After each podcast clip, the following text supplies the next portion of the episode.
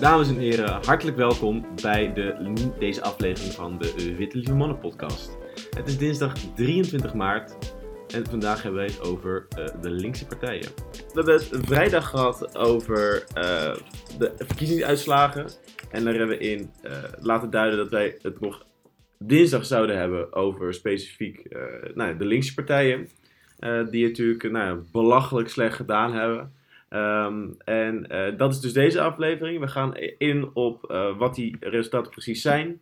Hoe ze in de partij zelf uh, geduid worden. Wat wij over die duiding vinden. en wat de toekomst voor linkspartijen is. Is dat fuseren? zijn andere vormen? Etcetera. dus ja. Um, de resultaten. Nou ja, ontzettend jammer natuurlijk.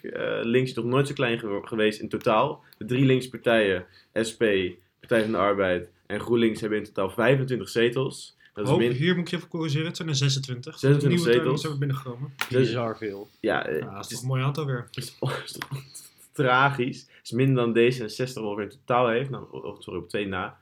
Um, en dat te bedenken dat tot nou ja, acht jaar geleden was uh, de Partij van de Arbeid nooit kleiner geweest dan 23 zetels in zijn partijgeschiedenis. En Steen was de tweede, uh, of hooguit derde partij van het land.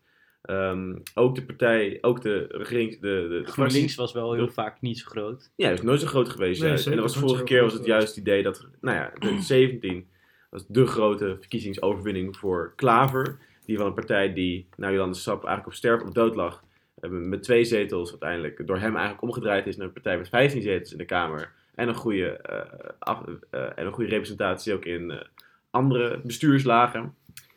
Nou, dat Jesse Klaver effect heeft hij duidelijk verloren. De partij is teruggegaan naar zeven zetels. Net zoals de acht zetels. Net zoals de SP, die ook gehalveerd is. De Partij van de Arbeid die heeft, het, heeft vier jaar in, in relatief effectieve oppositie gezeten. Met Lodewijk Asscher. Maar hebben daar geen die hebben er totaal niet de, de, de, de vruchten van weten te plukken. Um, er is al heel veel discussie geweest binnen linkse partijen over uh, hoe hun langzame electorale achteruitgang uh, mogelijk is geweest in, überhaupt in de westerse wereld. En ik denk dat deze discussie alleen maar verder gaat uh, in Nederland. Um, maar daar is deze, deze, aflevering ook een beetje voor. Een beetje vooruitkijken op de verklaringen die gegeven gaan worden. En of wij onze eigen analyse daar aan weten te maken.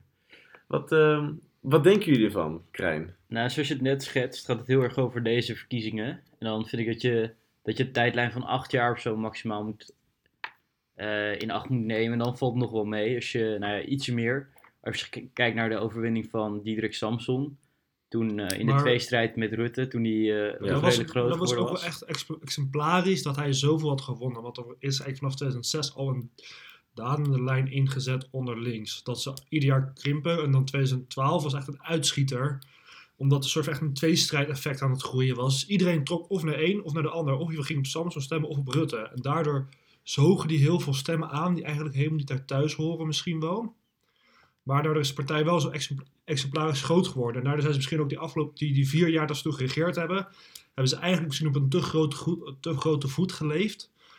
En hadden ze het eigenlijk niet door dat ze eigenlijk al veel kleiner waren. En toen zijn ze nog een keer extra hard afgestraft door de, door de regeringsdeelname in Rutte 2. En toen kwamen ze op 9 uit. Nou, ik zie het zelf. Ik denk echt niet dat er een structurele verandering is en een structurele ondermijning van de stemmersbasis van de Partij van de Arbeid. Misschien een gedeeltelijke mate uh, dat, uh, dat mensen minder een economie. Maar ik denk dat vooral ook een, gevolg is van de nadruk waar de discussie op heeft gelegen. Er is, de discussie in, sowieso de laatste 20 jaar is niet, bijna nooit ligt die op economische onderwerpen. En als het op economische onderwerpen gaat, dan is nou ja, de rechtse uh, verklaring en de manier van spreken over, over de economie, namelijk balanceren van budgetten, et cetera. BV Nederland is heel dominant. En dat is gewoon een manier van spreken waarin de um, linkspartijen of geen, of geen reactie op hadden, um, of uh, in de vorm van immigratieproblematiek, of uh, nou, gewoon meegingen in de vorm van die uh, rechtsere manier van over de economie spreken. Um, dus ik denk zelf dat de, het probleem deze verkiezingen, waar, waar ook uh, linkspartijen heel veel hoop in hadden, is dat het over de economie zou gaan. Ook over andere manieren van de economie, over economie denken en ook dingen zoals economisch succes begrijpen en invullen. Uh, toch, mensen hebben toch echt hoop voor een soort linkse nou, economische revolutie. Maar dat is, dat is er niet over gegaan. Rechtse partijen, waarschijnlijk ook gedeeltelijk omdat door nou, de pragmatische koers van heel veel linkse partijen, die eigenlijk een beetje zaten naar meer, een beetje meer geld hier naartoe, een beetje meer hier naar geld naartoe. Doordat rechtspartijen ook maar een klein beetje naar links zijn geschoven op economisch gebied. Zijn bijna alle behoeftes van de linkse partijen, die al zo gematigd waren, direct ingewilligd. En hebben ze dus geen voet om, om te staan op economisch gebied. En ze hebben gewoon niet dat nieuwe, alternatieve economische verhaal weten te brengen. Uh, een verhaal dat uh, linkse partijen zeker hebben. Uh, alleen al kijk eens terug in de geschiedenis naar Den L. met zijn opvattingen van decommodificatie in bredere welvaart. Mm -hmm. Dat verhaal is er, dat moet gewoon gesproken worden. En ik denk niet dat het een nee, dat, dat was er ook gewoon niet. Ik denk dat het gewoon dat een, een Moet dat besproken worden? Dat is een vraag. Ja, dat is een ja, opvatting. Juist wel. Ja, nou, ik, ik denk dat het gewoon een domme koers is. Dat het gewoon, ja, maar dat, is, komt later nog wel over een heel liberale, liberale verhaal. Het is altijd gevaarlijk om over iets te praten waar je zelf een hele sterke mening over hebt. Hm, dat is toch prachtig? Dat is prachtig, zijn maar dat is, dat is een passie ook zit erin. Maar wat, wat ook de afgelopen verkiezingen in de veranderde campagne heel erg aan de hand was. De rechtspartij had alleen het minimumloon overgenomen. Voor de rest hadden ze niks overgenomen over, over de linkse ideeën. Het enige wat de VVD echt duidelijk over had genomen was, we gaan ook het minimumloon verhogen. En voor de rest hadden ze niks erover gezegd. De VVD is uh, neergezet links en toen was het voorbij. Discussie. Ja, en, en, en, toen werd het soort van door de media neergezet, want ze wilden het minimumloon verhogen. Wat de linkse partij al heel lang achter... Met een euro, een, ja. een halve euro. Zeg maar, zeg maar, linkse partij... Ja, maar dan in de mediawereld werkt dat. Ja, en dat werkt heel goed. En dat ze toen helemaal zijn eigen leven gaan leiden, dat de, dat de, v, dat de VVD uh, links was geworden. En iedere keer als Rutte die vraag kreeg, werd, ook al een soort van boos. Dat hij, dat, dat, hij, dat, dat hij daar totaal niet mee eens was dat ze links waren geworden. Want er was ook zwaar Tegelijkertijd zegt hij dan ook weer op een ander moment... Nederland is een diep socialistisch land. Ja, maar op een ander moment zegt hij weer... Nederland is rechtsconservatief. Ja, ja, maar ideologisch is Nederland denk ik vooral rechtsconservatief. Uh, maar economisch zien we het nut van herverdelen wel in. Dus ik denk dat er heel veel uh, mensen die vroeger links stemden... onder het mom van uh, het belang van hun eigen portemonnee... dus uh, ja, mensen die meer praktisch opgeleid waren over het algemeen, dat die nu hun heil niet meer weten te vinden bij links, omdat links een heel progressief geluid geeft, wat misschien te progressief is voor die kiezers. Ja, dat, ja precies. Want namelijk, het is voor, eigenlijk voor, dat, voor 2001, voordat de LPF uh, op, de, op, de, op de scene kwam, zeg maar, ging het gewoon niet over immigratie. Ja, ja, de SP heeft het wel eens uh, erover gehad. Dat is één amper eigenlijk. Maar dat was toch Marijnissen, maar dan ga je al terug ja, naar uh, dat is, dat de jaren negentig. Ja, maar toen het zat opkomen, zeg maar. Maar ging het verhaal gewoon altijd over economie en over herverdeling. En er is gewoon, omdat het, omdat het verhaal, uh, de, de, de, discussie, die is gewoon op rechts nu. En heeft de, link, heeft, hebben de linkspartij gewoon geen goede, goede reactie op gehad, zeg maar. Dat is het probleem gewoon heel erg geweest. En wat te zeggen, inderdaad, uiteindelijk, Nederland is inderdaad een diep socialistisch land. Want heel veel van, die, van, van, die wel, van de functies van de welvaartsstaat, die verwachten mensen gewoon standaard. Daar staan ze niet meer stil. Dus dat is iedereen zo lang opgegroeid geweest dat men het niet meer kan voorstellen dat die systemen er niet meer zijn. Ja. Het is een soort van tweede natuur. En Mark Rutte mensen... gaat ook niet de WW afschaffen. Hij nee. gaat misschien inkorten. Ja, maar er is natuurlijk ontzettend veel. Maar er is natuurlijk in de laatste 20 jaar wel ontzettend geteerd op die basis van de, uh, van de verzorgingsstaat. En dat is ook, ook een verhaal waar rechts-links partijen zich ontzettend goed op kunnen profileren. En op een bepaalde manier een constructief verhaal over de verzorgingsstaat. Maar het is ook heel gevaarlijk om te En laten zien hoe die ondermijnd is. Want ze hebben de afgelopen twintig jaar ook nog vaak meegewerkt aan het afbouwen van de verzorgingsstaat. Ja, dat, was ook een hele andere theorie voor. Rond het begin van de jaren 2000. Want op dat moment, toen gingen bepaalde mensen gewoon te vroeg met pensioen, met FUT-regelingen, et cetera. En dat waren, die regelingen waren vooral heel erg kostbaar. En waren een hele kostbare manier waarmee we heel veel geld kwijtraakten aan mensen die vroeg met pensioen gingen, maar die niet hielpen met jonge mensen een plek geven op de arbeidsmarkt. Dus er moest ook wel een beetje ingeteerd worden. Want in Nederland waren we. Ja, in Nederland werd soort van beschouwd als ik ben even de specifieke term kwijt. We waren in ieder geval niet zo erg aan het pushen dat je aan het werk moest. Je kon in Nederland ook gewoon heel lang leven terwijl je niet werkte. Dan kon je gewoon rondkomen van uitkering. En ik weet ook niet of dat een geluid wat Nederland uit moet stralen. Dus ik denk, misschien is het een soort van natuurlijke tegenbeweging. Ja, misschien was het iets, iets te ver doorgetrokken. Maar nu is er veel start de andere kant op geschoven. Dat er zeg maar, ook gewoon niks meer mogelijk is. Er is helemaal geen sociale vangnetzwacht helemaal afgebouwd. Nou, dat is, het is nog amper echt een goed vangnet. En vooral de wetgeving als het gaat om vaste, om vaste employment, zeg maar. Er is dat is weg. Gewoon, ja, maar er is een vast contract onmogelijk. Binnen linkse partijen. Dat is Veel jongeren willen ook niet een vast contract. Ja, nou ja. Die, die, die, ja, dit argument is echt Dat is waar. Het kut is. Je, je, nee, maar er, zit een waarheid in. er is geen keuze. Ja, maar kleine, dat, is het ding. Dus. Eén ding is. Geen grote waarheid. Een flexibel contract moet een keuze zijn. Als jij een vast contract wil hebben, dan moet je daar gewoon het recht op kunnen hebben. Maar dat is gewoon nu gewoon vaak geen keuze. Je hebt geen keuze. Oh, of een vast contract en iets minder loon. Of een flexibel contract en keer iets meer betaald. Er is geen keuze. Wat je aangeboden krijgt is gewoon flexibel. En uiteindelijk, dit is het probleem natuurlijk sowieso, waar linkspartijen een beetje mee struggelen, is, van SP, is natuurlijk, je hebt een, een, een, een, uh, een, rijke, hoogopgeleide uh, nou ja, groep mensen in Nederland die ook cosmopolitisch is. die het allemaal niet zo erg met migratie, die vraag naar het buitenland gaan, gaat en voor wie flexibel werk echt een keuze is. Een grote onderlaag van laag opgeleide Nederlanders, die niet cosmopolitisch zijn, die, die juist uh, een vaste arbeid gewoon echt nodig hebben om een, om, om een, een kleine hypotheek te kunnen krijgen en gewoon rond te komen per maand. Die geen reserves kunnen opbouwen. Dat is dat, ja, ik weet het. natuurlijk, voor een deel is het wel een keuze, flexibel werk. Maar hypotheek, dat is altijd al geweest. Maar, maar hypotheek is niet echt iets voor de onderklasse. Ja, maar nou, heel veel mensen nou echt. Juist uh, wel. Natuurlijk, ja. juist. Dat, dat is, maar dat is een politieke keuze. Dat je woningbezit zo aanspoort. Maar dan maak je die mensen... Ja, dan moet je, ja, maar dan, dan, dan, dan is jarenlang een politieke keuze om woningbezit aan te sporen. Ja, en dan ga je helemaal niet verschil maken. Nee, maar dat is wel geen recht Maar dat is wel een... Nee, ik zeg niet dat ze geen recht hebben. Maar het is wel een politieke keuze. En je verandert iemand als die... Uh, dat punt van die correspondent-podcast. Als je ervoor gaat zorgen dat mensen die lager opgeleid zijn... een eigen woning krijgen. En zien dat, dat, dat die woning toeneemt in waarde. Mm. En dat ze dus bij wijze van rijker worden klinkt misschien raar, maar misschien ontstijgen ze de sociaal-economische klasse dan wel die links stemt. Maar ja, heb je dan verloren of heb je mensen welvarender gemaakt? Dat is nee, dan wel, een discussie. Dat is het ding, je hebt mensen niet welvarender gemaakt. Je hebt ze, ja, je wel papier meer welvaart gegeven door het bezit, hun woning, die ze anders toch zouden hebben, uh, door ah inflatie meer, wel, meer waard te laten maken. Maar ze kunnen niet meer uitgeven. De inkomsten blijft niet achter. Ze halen geen inkomen uit. En inkomen stagneert en blijft wordt onzekerder. Dus ze hebben niet minder, ja, wat ze hebben, ze hebben een, ze hebben een berg geld, zitten ze op, dat is hun huis, meer waard. Dan verkopen ze dat, kunnen ze geen nieuw huis kopen. Ze, geen nieuw, ze hebben geen verdere inkomen. Ja, het, het, is niet een stap naar iets nieuws. Je kan, je kan juist niet verkopen om je kinderen te laten studeren gratis van schulden. Ja, maar dan is de vraag eerder, moeten die mensen, moet het in de eerste plaats aangemoedigd worden dat die mensen een huis kopen? Maar dat is een heel andere discussie. Ja, een andere discussie, ja. Maar nu snap je wel wat het belang is van die mensen en waarom ze vervolgens niet links stemmen wanneer ze eenmaal een huis gekocht hebben. Zeker, zeker. Maar het, ging meer over de flexbanen. Zeg maar, niet iedereen heeft ook behoefte aan een flexbaan. En als je eenmaal een vast contract Maar we kwamen hierop terecht via de flexbanen en de hypotheek. Ja. En misschien zijn dit niet de mensen die een hypotheek... Ja, het argument, het ging over of het nodig was...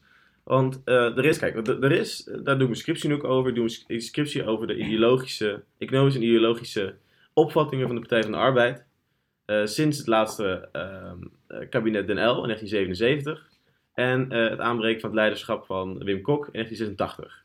En in die ontwikkeling, is, een en er is sowieso een grote discussie gaande nou, binnen de historiografie over uh, waarom linkse partijen verschoven zijn van standpunt. er is vooral tot over vijf jaar geleden is lang het standpunt geweest dat het was gewoonweg nodig. Er waren economische en demografische veranderingen ehm, die, uh, die noodzakelijk maakte om de economie te veranderen. De Keynesiaanse economische opvattingen waren onjuist bevonden in de oliecrisis. Ja, dat werkt gewoon niet goed. Nee, dat is het verhaal. Die waren onjuist bevonden. En er was, het was demografische, was demografische transitie. Nee, dat was niet productief genoeg. En um, de stemmer die zou ook rijker worden. Dus meer naar het midden verschuiven. En dus automatisch uh, van de Partij van de Arbeid vervreemd raken. En dus om een brede volkspartij te worden, moesten die, eigenlijk die, die zogenaamde verrechtsende stemmers moesten achteraan, moesten ze achteraan gaan met ideologische opvattingen. Nou, daar tegenin is gegaan, is een, is een, is een, um, is een stroming gebaseerd op het werk van Foucault en het concept van het neoliberalisme. Die eigenlijk stelt dat, tuurlijk, er waren, economische problemen, maar die waren veel minder structureel van aard en veel meer uh, het gevolg van tijdelijke schokken in de oliecrisis Ehm, en dat de verandering die in opvatting is geweest, uh, veel structureler is geweest dan een pragmatische logische aanpassing. Dus de complete ondergraving van de ideologische basis van de linkse partij. En is vervangen door een, nou, een neoliberale opvatting, die ook gepusht is door de denktanks uh, van rechts en uh, invloedrijke schrijvers, die een totaal andere maatschappijbeeld hebben geschetst, dat ook dominant geworden is en waar ook linkse partijen in meegegaan zijn. In plaats van die Keynesiaanse opvatting van de jaren 70, waarin decommodificatie en minder werk en het van brede welvaart en collectieve gemeenschapsgoederen als belangrijk werden... relatief überhaupt niet zo heel veel in Nederland belangrijk... ten opzichte van andere landen. Nee, maar als belangrijk werden gezien. als, belang, als belangrijk werden gezien. Eh, is het verschoven naar een manier de economie en samenleving kijken. En überhaupt de prikkels die de mens ondergaat. Als er veel meer in homo, uh, homo economicus. Waarin de belangrijkste prikkels zijn economie. Uh, maatstaffen van kwaliteit in de samenleving. ook moeten gemeten worden in de vorm van economische maatstaven. Uh, waarin de conceptie van vrijheid ook veel meer een individualistische uh, conceptie is geworden. En wat ze dus eigenlijk ja, zeggen, is dat uh, die pragmatische koers die de linkspartijen denken te, te voeren, en dus meelopen met wat ze denken dat het electoraat wil, dat is, een, dat is geen neutrale koers. Dat is een daadwerkelijke rechtse ideologische opvatting van de, e-, van de samenleving. En door erin mee te gaan in die koers, in plaats van een alternatief te bieden, uh, is men er ook zelf gaan in geloven. Dus compleet uh, linkse, en daardoor zijn die, is, is, de economie veranderd, maar ook de manier hoe uh, stemmers over zichzelf denken, omdat er geen alternatieve visie op de economie, op het zijn van de mens, op het doel van de economie wordt gepresenteerd, vallen die, vallen die rechts-linkse partijen, blijven die terugvallen in een ja, reagerend verhaal op de standpunten van rechtse partijen, blijven praten in dezelfde termen als rechtspartijen praten, uh, waardoor ze uiteindelijk blijven verliezen. Omdat het een reagerend, een reagerend verhaal is. Geen nieuw verhaal biedt. Um, en, het ja, en dat is niet nodig en een keuze geweest. Maar het alternatieve verhaal, dat is een soort van. Want ik, ja, ik denk dat ik je punt ongeveer snap, maar ik kan er niet zoveel mee. Um, dat zeg ik ook maar eerlijk, want ik weet niet zo goed waar dit dan naartoe werkt. Want ik heb het gevoel dat dat. Nee, originele verhalen. Decomodificatie. Ja. Uh, dat klinkt meer als een soort van Partij voor de Dierenplan. Wat dan vervolgens niet doorgerekend gaat worden door de planbureaus. En dat, sorry, maar dan ga ik meteen een hele praktische slag maak ik dan. die praktische slag die heeft de Partij van de dus ook gemaakt in de jaren 80. Want ervoor waren vele binnen de partij, ook de economen van de partij, die waren uh, concepten zoals het wegrekenen van overwinsten. Het idee dat er waren wel winsten, maar die moesten anders geïnvesteerd worden. Uh, een grotere rol voor arbeidstijddeling. Uh, die plan is uiteindelijk nooit ingevoerd, nooit geprobeerd omdat rechts nou, het, algemene korte termijn ideeën, de algemene korte termijn ideeënwinst heeft gewonnen in, de, ja, in, de, in de discussie. En in, wat we eigenlijk kwalijk nemen, zegt van er zijn goede, ook economisch gebaseerde opvattingen. Uh, Keynesiaanse economische opvattingen zijn niet dood, maar die zijn wel doodverklaard geweest. Tot met de crisis 2008. En we het ook achterkamer dat er ook gewoon een vraagtekort is. Als je, dat helemaal, als je het alleen op schuld op laat, opbergen dus alle consumptie op schuld moet, eh, gebaseerd is, um, is dat men zo blind geworden is voor het eigen verhaal, dat men blind geworden is voor het verhaal dat men echt heeft en ook gehad heeft, dat men geen kritiek, structurele kritiek kon uitbrengen op het heersende neoliberale verhaal.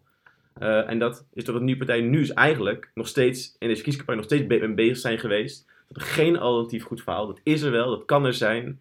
Dat, is, dat wordt gewoon niet uitgebracht, men reageert te veel.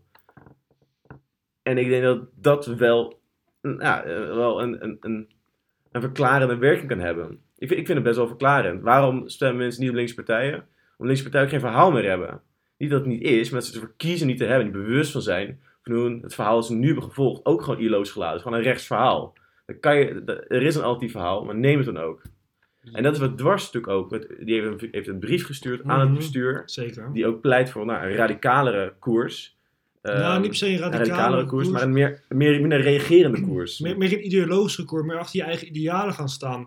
En je eigen verhaal wil duidelijk maken. En vooral heel erg Ja, want die neoliberale manier van denken, die hebben mensen echt eigen gemaakt. En niet alleen maar een soort van campagne-strategisch marketingachtig gaan denken. Van alles moet lekker pakkend, kort, lekker, lekker simplistisch uh, opgeflirt maar, wegbrengen. is wel leuk, maar stel dat je je visie verder ontwikkelt. En ik denk mhm. dat als je kijkt naar de kern van waar GroenLinks voor staat dat je dan uitkomt op een visie die nog veel minder uh, goed opgevangen wordt dan de huidige boodschap.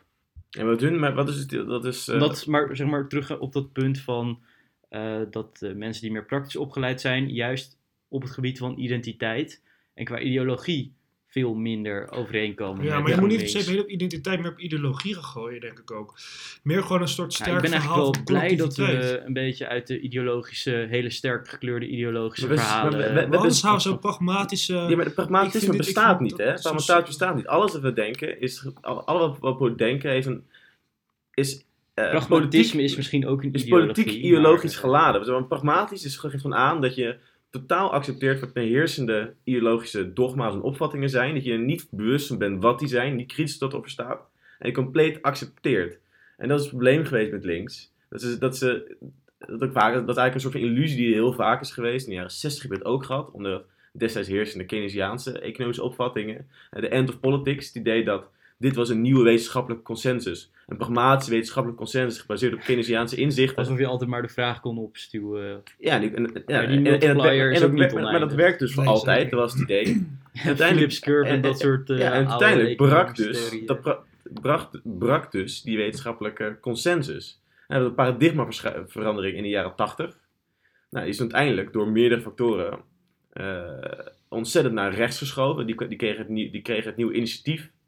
Linkspartijen zijn daarin meegegaan. En we hebben tot, heel erg tot, 2000 tot 2008, zeg maar, een opvatting van nou, een nieuwe end of ideology gehad. Het idee dat deze nieuwe op, eh, op eh, eh, aanbod ge- gefocuste econo- economische inzichten, dat zou het einde zijn geweest. Dat nieuw, nieuw monetary, mo- monetair beleid, dat, dat was het. Dit, dit is het einde, dit is wetenschappelijk, zo zal het altijd gaan. Monetair beleid is gewoon. eh, Maar t- t- Wat ik heel erg merk, is dat na 2008 is er geen, is, van, is vanuit links geen goede, nieuwe, ideologische eh, insteek geweest. Die is er wel, eh, Nou ja. over, over, basisinkomen eh, en eh, het boek natuurlijk over ongelijkheid.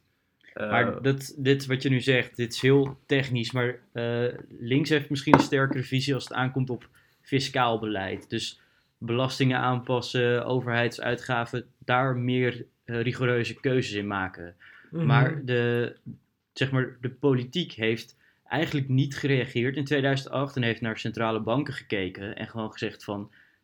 Jongens, eh, hou de rente laag, dan blijven we... Jawel, jawel, dat is wel wat er in Ja, feite dit, wel maar dit gebeurd is ook is. gedeeltelijk... Dit is pas... Naar de centrale bank is ook heel erg gekeken naar 2011. Omdat Ja, we toen een eurocrisis hadden in eigenlijk Europa. is het probleem in En Europa... dan we dan niet fiscaal wilden oplossen binnen Europa... heeft toen de centrale bank moeten ingrijpen... om de euro levend te houden door geld bij te Maar het is ook de eurocrisis die veel ingrijpender is geweest in Europa. Want Ja, in de zeker. VS hebben ze gewoon een paar banken laten klappen eigenlijk. Ja, en en dan hebben door. ze too big, too veel Maar banks hebben ze... Ja, de hypotheek, de, hypotheek, sorry, de, de huizencrisis heb je natuurlijk in 2008, 2009 gehad in Amerika, waar die banken eh, in elkaar klapten. En toen pas later is dat de, de, de eurocrisis geweest, 2011, 2012. Ja, dus op Ja. het moment dat we eigenlijk uit die crisis aan het kruipen waren, kwamen we erachter dat we als eurolanden best wel veel schulden hadden. En dat als de Zeker. rente opliep, dat we die helemaal niet konden betalen met z'n allen. Ja, dat was heel erg het, heer- het heersende idee. Nou ja, dat is ook gewoon feitelijk waar. Als Italië opkijkt tegen een rente van 5%, dan zijn ze waarschijnlijk niet in staat om hun staatsschuld te herfinancieren zeker, maar- en maar- op lange termijn Het hun probleem is dat ze vastzitten aan een dure munt. Hè. Dat, is, dat, dat, dat, is, dat is ook Rijnspapier te maken met het punt dat de euro eh, op lange termijn volgens economen niet houdbaar is. Wat gewoon slecht, wat fucking slecht. Dat argumenten zijn dat trouwens. Die ze maar maken. Het punt is natuurlijk Het wel is best een sterk argument, maar de manier waarop ze het vertolkt is niet zo sterk. Je, je, je, kan, je kan monetair, eh, monetair Maar fiscaal beleid kan je niet uitleggen op je, je bankenpaal. Maar als je meegaat in de uitleg van monetair beleid, dan ga je toch inherent mee in het pragmatische denkbeeld. Ja, en monetair beleid wel inderdaad. Maar dus, oké, dan zou links met een geluid moeten komen over fiscaal beleid, over het aanjagen van vraag vanuit de overheid. En maar, ook van monetair beleid li- lijkt, mij dat eh, een land met een te dure munt ook geen goed beleid is. Dat is het probleem wat Griekenland heeft gehad. De munt die ze hadden was te duur, gebaseerd, duurder gemaakt. Doordat de Duitse economie zo sterk competitief is. Ja, maar Duitsland is heel, is heel aantrekkelijk, want die heeft daar een goedkope munt. En dat wordt eigenlijk gesubsidieerd door schulden. Maar een echte. Keynesiaan zou niet naar de munt kijken. Die zou gewoon Maar dan moet je juist naar fiscaal beleid kijken Ja, naar de overheid. wegen gaan bouwen, zeg maar. Ja, Bruggen dat- bouwen, Ja, infrastructuur. Ja, ja. investeren. Maar die zou Ja. het ook vervolgens niet consumeren. Want als je het consumeert, dus bijvoorbeeld door het uitgeven aan zorg, dan betaalt het niet terug, omdat dat geen investering is. Maar dat, ja, als je nu zorg consumeert, dan heb je daar meteen voordeel van als het goed is. Maar dat werkt niet op lange termijn door, behalve als je misschien levensjaren wint. Maar dat is veel minder te, te verdedigen dan bijvoorbeeld een uitgave voor infrastructuur of onderwijs.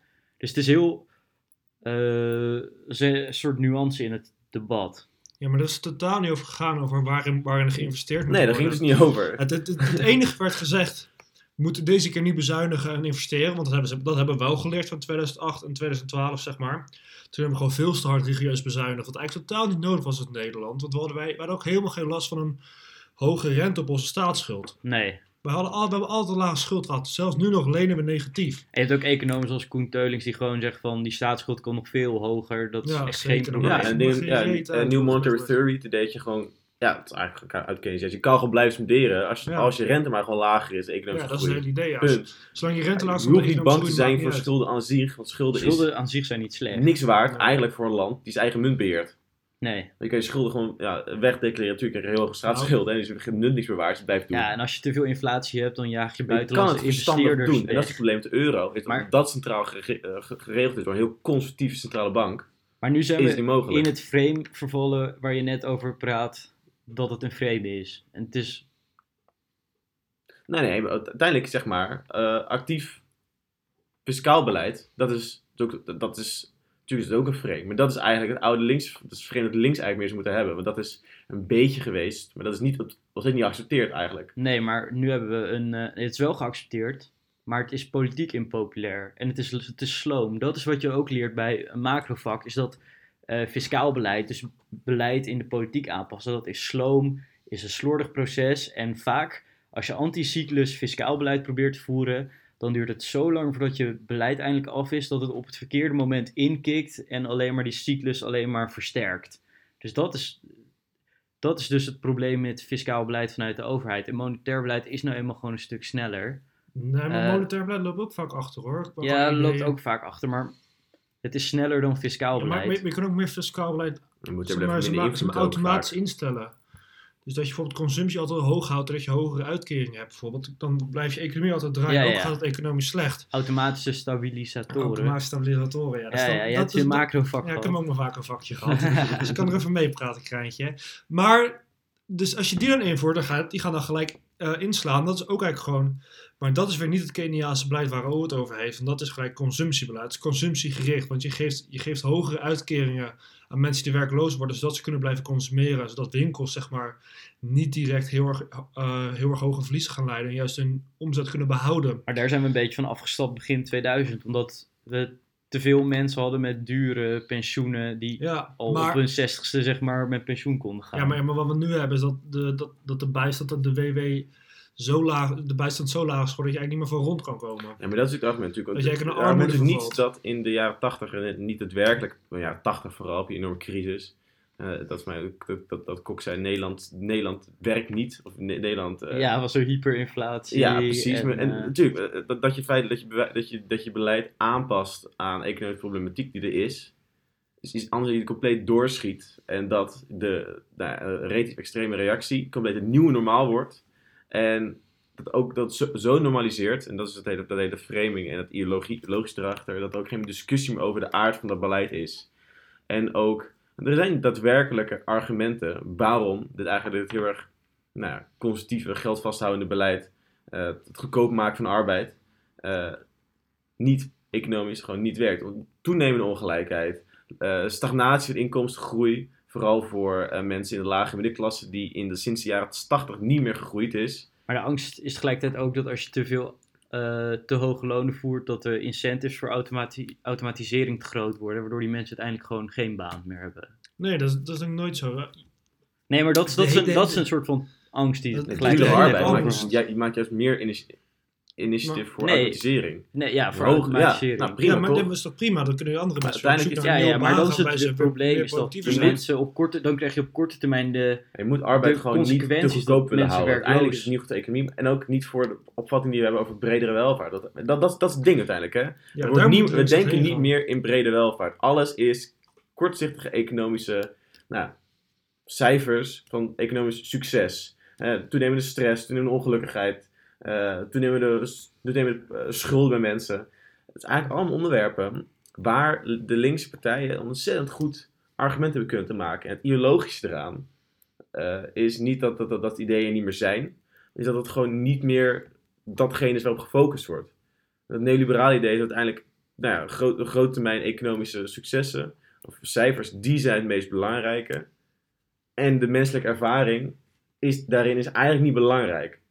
Nou, en dat is ook ontzettend zonde, maar dat is niet waar beschaving hopelijk voor bedoeld is, waar we voor hier gekomen zijn, waarvoor we onze natuur hebben opgegeven.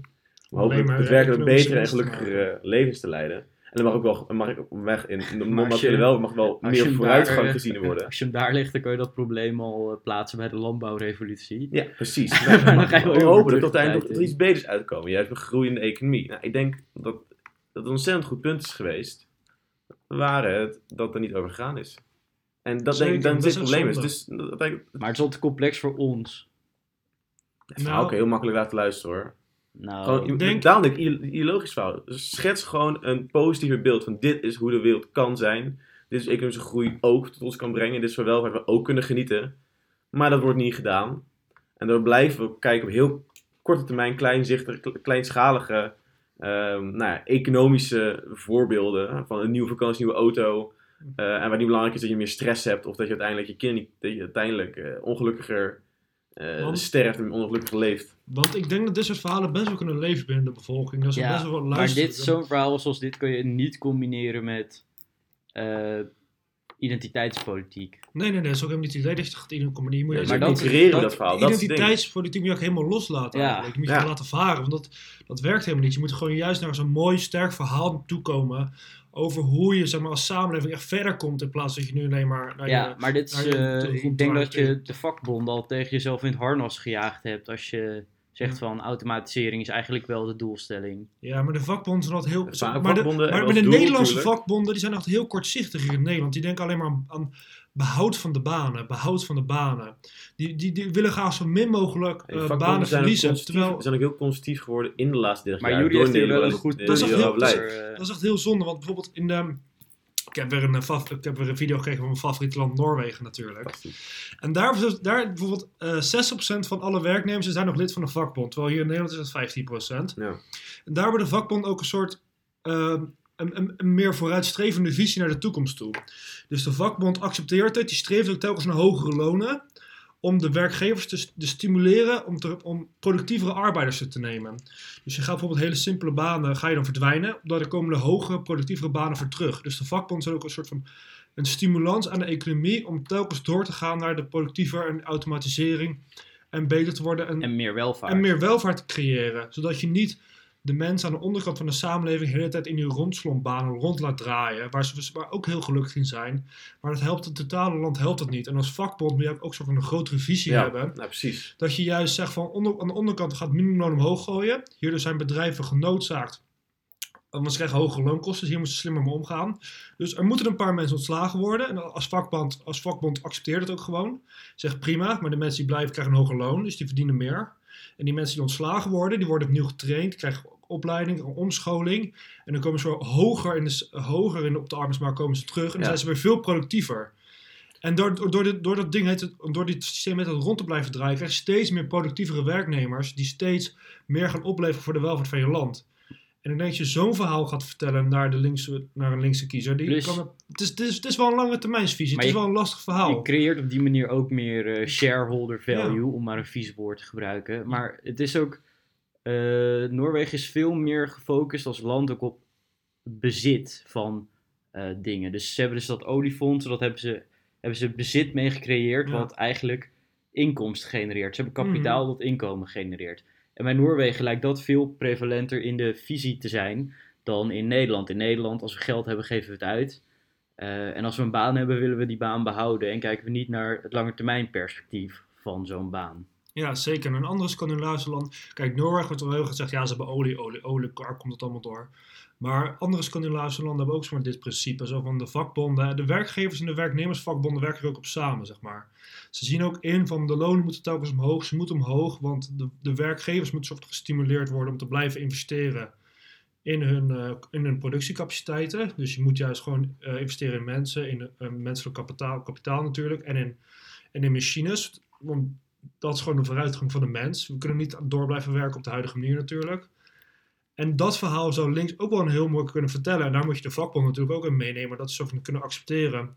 ja, er gaan een paar mensen ontslagen worden, maar de mensen die er nog werken, die gaan wel meer verdienen en ze krijgen een beter soort baan. Ja, en er is ook meer her te verdelen op dat moment. Hoe is die, uh, die, die, die, die vakbondsdekking zo hoog in Noorwegen? Is dat gewoon populair? Is dat een stukje verplichting? Nee, het is gewoon heel populair, want je, je, maar meer nog, er is ook een groter solidariteitsgevoel binnen, in, binnen die Scandinavische landen natuurlijk. Maar is ook... en, en de vakbond komt ook voor iedereen op, zeg maar, want die heeft ook een grotere visie. Het is niet alleen maar, hier in Nederland komt de vakbond alleen maar op als je ontslagen gaat worden. Dan komen ze in keer in actie en dan gaan ze in keer protesteren. Maar bijvoorbeeld in Scandinavië ook geen minimumloon. Dat is ook een, ieder jaar moet de vakbond samen met de werkgevers en de werknemersvakbond in overleg wat gaat het loon worden voor dit jaar. Ze gaan ieder jaar een overleg over hoe hoog gaat het worden. En daar gaat iedereen gaat erin mee. Iedereen, wordt, zeg maar, autom, iedereen gaat gewoon, wordt gewoon lid van de vakbond waarbij je hoort. Het is meer een cultuuridee dat je gewoon, je, wordt, je, je doet het gewoon. Om, omdat je weet dat ze ook echt vooruit willen voor jou. Ze zijn niet heel kortzichtig, zo van we gaan je baan behouden, wil je korte termijn... we gaan geen Philip Morris fabriek openhouden. Ja, terwijl, ja geen, geen tabak meer willen hebben en er geen productiewinsten zitten in. Nee, daarom. Uh... Dat vind ik dat, nou, zo'n grotere visie-idee van een vakbond, maar ook voor een linkse partij, is dat heel, wel erg interessant. Ja, zeker. En dan kan je ook een bredere welvaart trekken. Zo van, wij gaan jouw baan opofferen, want, uh, maar de mensen die er werken, krijgen meer. En we gaan jou omscholen, maar je gaat jou naar een betere baan toe werken. En daarom komt kan het hele land komen vooruit. En dan kunnen we meer, krijgen we meer welvaart. Nou, dan heb je iedereen een betere positie in in, de, ja, in zijn leven. In zijn maar herverdelen is ook gewoon een stuk leuker als de taart een stuk groter ja, is. dat is gewoon een stuk leuker meteen. Maar de taart is ook hartstikke groot in Nederland, dat is het probleem niet, zeg maar. Ja, maar ik denk dat we dat zelfs rechtspartijen minder zuur zijn als er nog een grotere taart is. En als we daar dan een stukje van herverdelen. Ja, de taart is echt... De taart is groot. Ik weet niet zo goed. Maar kijk, naar, kijk naar de discussie in Amerika. De taart, hoe groot de taart ook wordt, kan altijd nog geargumenteerd worden dat de taart uh, anders kleiner, toch, toch kleiner zal gaan worden. Dus wanneer dat het nu zo is, maar gaat het in de toekomst potentieel kleiner zal gaan worden, doordat de economie minder, goed, minder zal gaan groeien, omdat uh, mensen niet goedkoop genoeg zijn. Ja, maar mensen moeten... Dan nog vreemd worden. Maar je blokkeert mensen in hun gedachten. Mensen kan je niet overtuigen dat herverdelen een goed idee is als het vooruitzicht is dat de taart krimpt. Want krimp is, uiteindelijk is, is er geen, bijna nooit argument voor krimp, maar is het argument is al, is al sterk genoeg. Nou ja, bij GroenLinks... niet goed, goed genoeg gaat groeien. Bij GroenLinks is ook niet per se vies van een degrowth argument. Ja, dat is niet de ja. dieren volgens mij hoor. Die ben heel ja, maar, dat, maar dat, dat, is het hele ecologische argument. Ja. Zeg maar zo van degrowth, want, want, want iedere vorm van productie gebruikt weer uh, input van de natuur. En je moet ook zo min mogelijk van de natuur gebruiken met dat argument. En maar je kan veel productiever worden ja, met minder, met minder middelen. Gewoon veel efficiënter. Efficiëntie. En, en dat is het ding om, om menselijke welvaart te kunnen nou, meten. De, de, de, de, daadwerkelijke, uh, het daadwerkelijke niveau van welvaart en de kwaliteit van leven die mensen ervaren.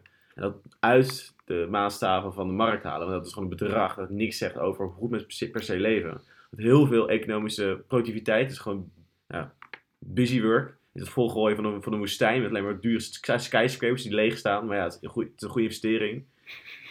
Blijkbaar, nu, op korte termijn. Ja, dat zijn sowieso rare economieën die we niet uh, ja, kunnen vergelijken. Uh, en andere dingen, dingen die eigenlijk heel veel kosten, maar die niet goed, uh, nee, die niet goed opgenomen worden. Dus ecologische schade. Het kost niet zoveel. Nou, het kost niet zoveel om het regenwoud in, te kappen, al die beesten neer te schieten. Maar ja, dat is wel, zou een hogere sociale kosten moeten hebben. Ja, maar ik denk dat de oplossing eerder in een soort van het Noorse verhaal zit. Waarin we naar een langere, langere termijn kijken. Waarin we met z'n allen kunnen groeien. In plaats van naar een verhaal waarin uh, het een ideologisch. Ik weet niet, het is een veel minder ideologisch verhaal. Waarin fiscaal beleid, wat zijn eigen problemen heeft. een veel minder grote rol lijkt te spelen. Ja, maar wat, wat uh, Stephanie L. Mutch in haar in een Amerikaanse socioloog in het boek uh, Leftism Reinvented beschrijft, is uh, dat, dat kijk, uiteindelijk ideologie is ook een vorm van, is ook een normaliserend effect heeft dat. Nederland is sowieso een relatief anglo-saxisch land en wij krijgen wel veel meer van de, de, het heersende narratief dat daar geldt, dat het daar gesproken wordt, de termen en de manier wat normaal is. We krijgen veel meer mee dan andere Europese landen, ook, ook meer dan in Scandinavië eigenlijk het geval is. Um, en die beschrijft ook hoe vakbond, hoe eigenlijk de politiek in Nederland heeft, eh, in ieder geval het buitenland. En dat beschrijft ook, eh, dat hadden we nooit moeten doen. Uh, van Duke Helma en uh, Ska Lid of zo, volgens mij, van Lid. Uh, um, beschrijven hoe Nederlandse beleidsmakers zich heel erg dat idee van, nou, dit is economisch normaal en praktisch, dit moeten we gaan doen, eigen hebben gemaakt. Ehm, en vervolgens heel erg hebben vervreemd van de achterban, vervreemd van beleid, totaal andere kant over, over zijn geschoven. En zichzelf ook hebben overtuigd dat, nou ja, vakbonden, dat kan niet meer, dat is niet meer, dat is niet meer erectief. Die mensen zijn ook, die zijn ook conservatief, dat, dat kan, je, kan je niet meer werken. Ehm, maar dan, dus het, dat komt overeen met het Noorse verhaal, want de Noorse vakbonden zijn heel erg goed mee te werken, kennelijk. Ja, maar dus met, als je jezelf overtuigt en jezelf vertelt, en die, die, dan, zij zegt ook, zeg maar, vanaf, pas eigenlijk vanaf de linkse partijen uh, hun ideeën in praxis gingen brengen, zichzelf gingen uh, distancieren van vakbonden, uh, een, beleid gingen verslechten. toen pas is eigenlijk de verandering plaatsgevonden die, waarvan ze zelf dachten dat dit, dit, dit een lange termijn demografische verandering dus de linkspartijen hebben het zelf ook voor elkaar gebracht, zeg maar. Het feit dat, die, dat vakbonden zo klein zijn, is ook een gevolg van politiek beleid. Dat, niet, dat toch niet meer naar geluisterd wordt. En dat de rol gemarginaliseerd is. Uiteindelijk is het dus ideologie dus wel belangrijk. Link moet gewoon weer, door het Noorse verhaal, dat is goed, maar dan moet het ideologisch ook gewoon geïntroduceerd worden. En een brede, ja, een, brede visie moet gepresenteerd worden over wat er mogelijk is. Maar een andere vorm van de economie. De goede mensen lopen ook weg bij de vakbond. Als je ledenaantal ja. afneemt, dan de kans dat de goede mensen die verlaten je vakbond zeg maar als eerste. Dus de mensen die zo'n visie kunnen voortbrengen zoals de Noorse vakbonden aanhangen, die ben je als eerste kwijt waarschijnlijk. Want die hebben ergens anders kansen en die blijven niet op hun plek zitten op dat moment. Nee, als je cultuurrechten van vakbonden ook ervaren wordt als iets nou, dat arme mensen doen in loondienst, ja. dan blijft dat zo. Dan wordt het alleen maar erger en dan wordt het vakbond ook radicaler, omdat degenen die erin willen zitten, willen behouden wat ze... Dus wat ze, hebben, ja. Wat ze hebben, zowel dus, het bestuur, maar ook de mensen die er zelf in werken. Hoe zwakker die vakbond is, hoe zwakker ze ook voor mensen kunnen opkomen, hoe radicaler ze moeten zijn, hoe minder constructief ze kunnen zijn, hoe meer verzuurder ze raken. Verzuurd, dat is een woord dat ik wel associeer met vakbonden. Ja. Verzuurd, ja. Ja, maar, maar dat is het, ze zijn echt graag aan het staken voor baanbehoud. Zeg maar, er, is geen groter verhaal om ze heen. Ze, ze, komen, ze komen alleen naar je toe als je baan, als je baan maar, ze, maar ze zijn dus ook politiek zijn ze gemarginaliseerd en eigenlijk afgestoten door de linkspartijen, waardoor ze ook die, ze, die hen ooit representeerde. En dat is een fout geweest van linkse partijen. Dat maar misschien hebben de vakbonden ook gewoon niet geleverd in Nederland de hele tijd. De vakbonden hebben ontzettend veel geleverd. Dat is, dat is, een poot erg strak gehouden in de jaren 80. Nou, zijn, in, in, in 82 niet met het akkoord van Wassenaar. Toen, toen ja, zijn we overstag gegaan. Dat is zeker waar. Maar inderdaad, nou, is een, ik mis wel een beetje zijn context, jongens. Ken je het Wassenaar niet? Nee. Nou, kort van Wassenaar, oh, want nee? dus ja, heb ik een kort verhaal over gehoord, maar kent de luisteraar het Oké, okay, nou even uitleggen. Uh, in het akkoord van Wassenaar in 1982. En dat was namelijk een groot probleem, is dat de lonen waren automatisch uh, gelinkt. Het was een, was een vast inkomensgroei. Uh, vaste inkomensgroei was er beloofd vanaf de jaren 60. Ging door, tot de, door, door de jaren 70. En uiteindelijk was het, zorgde ervoor dat er gewoon een te hoge kosten was per arbeider. Destijds was het probleem dat het nu precies tegenovergestelde is.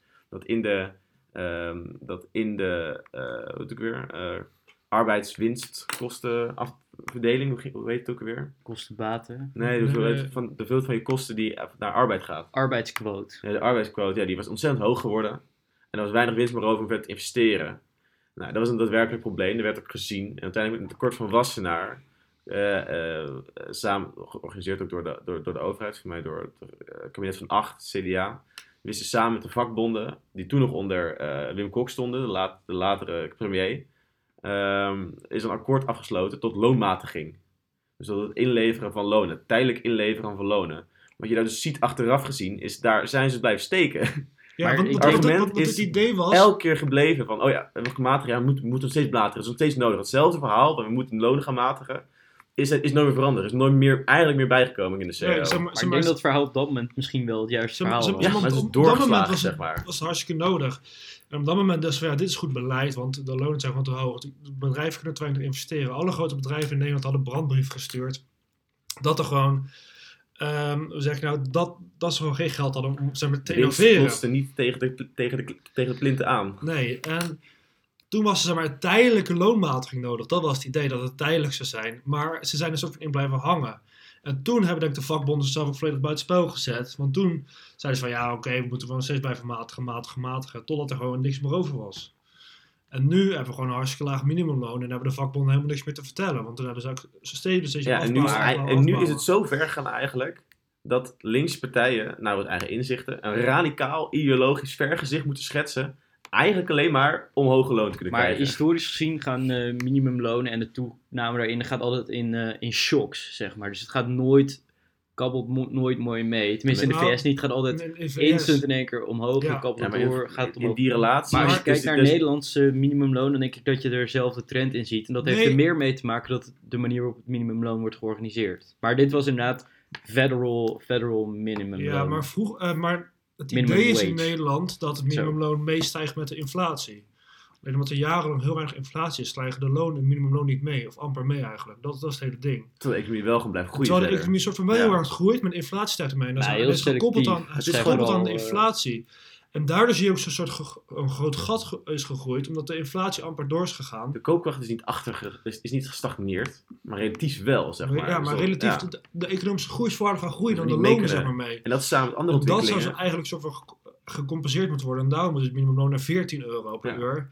Zodat je in één keer die stap maakt en dan had je me rustig meekabbelen met de inflatie. Eén is dus wel een, een terugval. lonen die koopkrachtbestendig zijn geweest, maar door andere ontwikkelingen in de, in de verzorgingsstaat, hè, op, het africhten van het zorgfonds, eh, minder, eh, minder makkelijke toegang tot sociale huurwoningen, hoging van de, huur, van de huurprijzen, eh, het, het, het, het privatiseren van veel voormalige overheidstaken, waardoor ze in het algemeen voor Nederland goedkoop zijn geweest, maar voor de mensen die het uiteindelijk moeten gebruiken vaak duurder en ehm, meer is één bedrag worden ervaren.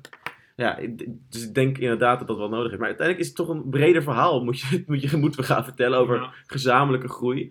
En uiteindelijk denk ik dat we best een goede conclusie hebben getrokken in deze, deze Ik aflevering. weet alleen niet of linkse partijen dit verhaal gaan weten te vertellen. Jawel, nou, ik weet, Nou, ze zijn zich heel bewust van dit- dat dit verhaal, dat ze dit moeten vertellen. Er Nou, ze heel zijn erg- bewust dat ze een nieuw verhaal moeten vertellen, maar niet per se het verhaal wat wij Ik denk dat ze juist hebben. helemaal naar de identiteitspolitiek Nee, nee, nee. gaan hangen. Ik heb, ik heb dus ehm, de, de, eh, net voor de verkiezingen eh, had Lodewijk Asscher, die had bij zijn nou, jaar, dus in december 2019 was dat, nee 2020, eh, de jaarlijkse Den L-lezing, ehm, had hij een enorm verhaal gebracht over het terugbrengen van nou ja, oudere concepten die verloren zijn geraakt aan die neoliberale ja, eh, ver- cultuurverandering. maar ik Ook vind binnen- neoliberaal vind ik zo'n buzzword. Vaak Ja. alles wat erna komt, dan stop je gewoon met luisteren. Ja, dat, Ja, Oké, dat- eh, eh, die, die, de verandering van opvattingen. Nou, nou, de, de, de, de Nee, nee, nee, maar dat is toch... Dat is, oh, ze moeten het wel weten te presenteren. En als je het hebt over dat liberalisme... Ja, die, nee, wat dat een vaag abstract Nee, het is een heel sterk concept. Allemaal andere Ja, maar veranderingen zo'n meebrengt. concept Een wat niemand nodig snapt en waar mensen Maar- allemaal andere je moet blijven herhalen totdat je, dat het duidelijk wordt. Uiteindelijk Nou, is het heel... maar je je moet denk ik het woord neoliberaal vervangen door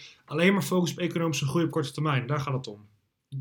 Ja, je Dat, hoeft- dat, ja. dat, Ja. dat, is- dat is het punt. Wat links, wat, wat wij heel erg afkraken aan het neoliberalisme, Ja. is de, de grote focus op korte termijn winst. Andere dingen kunnen best wel interessant zijn aan het hele. Het is een, een heel groot begrip. Alleen ja, dat is waar. de grote focus op die korte termijn winst, dat brengt heel veel negatieve En dan krijg je gevolgen zelfs mee. misschien een aantal Ja, maar het is neoliberalen meer, mee. maar het is ook Ja. alleen maar dat economische verhaal. En andere concepten van, van welvaart die meegenomen worden. Dus het, is, Ja. het is heel breed, maar dat is ook, maakt het ook lastig. Ja, ja, maar eigenlijk is het een, een, een, eh, is een pleit voor de lange in plaats van de korte termijn. Dus dan moet je niet onnodige woorden als neoliberalisme erop gaan plakken en zo. Want, want Ja. kan je het ook ver- ja, Het, het, is, het is een heel nuttig concept. Het is een heel nuttig complex. concept wat Ja. je niet is te kan complex, verkopen. Dus, Dus je, je moet juist gewoon- je moet het anders gaan verwoorden. Misschien een nieuwe term gaan bedenken. Maar je moet gewoon die hele korte termijn winst. De, alleen maar de focus erop. Dus zeg maar, het aandelerskapitalisme wordt ook wel vaak genoemd. Maar ik weet niet of dat ook het juiste woord weer En is. eigenlijk wil je kapitalist blijven, want je wil, ja. maar je wil dat, dat er op de lange termijn anders naar bepaalde dingen gekeken wordt. je, je wil zo dat het kapitalisme werkt voor de lange Het- het- termijn. Het gaat, in dit geval is er Kapitalisme laten In werken dit, voor... dit geval is er niet per se een, een, een discussie over, over, over methodes, maar vooral een discussie over doelen. Zeg maar van wat is het doel het wat doel we is dat nastreven als, als kapitalisme werkt voor iedereen. Het doel is zo, een zo goed mogelijk leven voor zoveel mogelijk mensen. Ja, en ik denk dat En kapitalisme is een middel. Is een Maar- middel. En dat is, het probleem, dat is dus het concept dat neoliberalisme ook noemt. Dat is, dat, het, dat, dat is een opvatting waarin het doel het middel is geworden. Maar we gaan niet van kapitalisme afstappen, denk ik. Nee, maar het moet niet het doel zijn. Het moet Nee, een middel zijn. Het bewustzijn van het doel Het ervan. oké, ja. het moet een middel zijn, daar ben ik met je eens.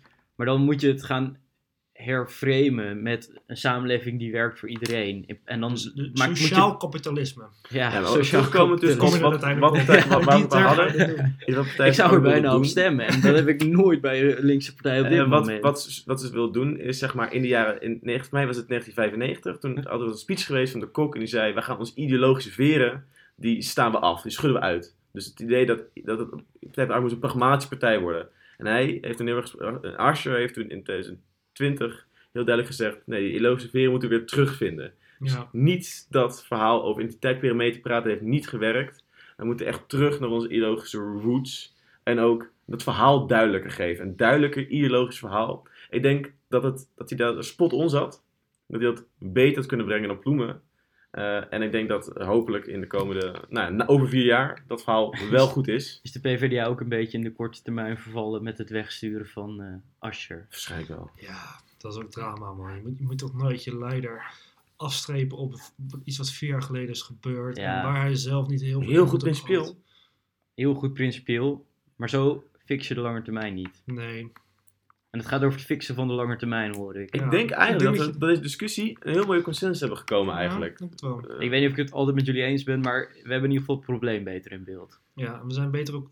Ja, ik vind, het wel een interessante discussies geweest. Zeker. Eh, nou, beste luisteraar, ik hoop niet dat jullie vreemd zijn geraakt van onze neoliberale opvattingen en onze, en, en onze eh, monetaire en fiscale terminologie.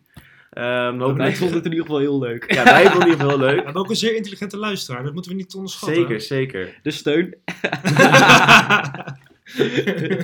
en miljoenen anderen. En miljoenen anderen die waarschijnlijk dit in de archieven eh, gaan beluisteren als wij uiteindelijk de grootste zijn geworden in de wereld. Zeker. Eh, bedankt voor het luisteren. Ehm, als jullie nog rectificatie hebben eh, of vragen over het onderwerp, stuur ons een mailtje naar. Info at sumo-media.nl En dan eh, eh, willen jullie hierbij van harte bedanken voor het luisteren. En tot de volgende keer. Tot de volgende.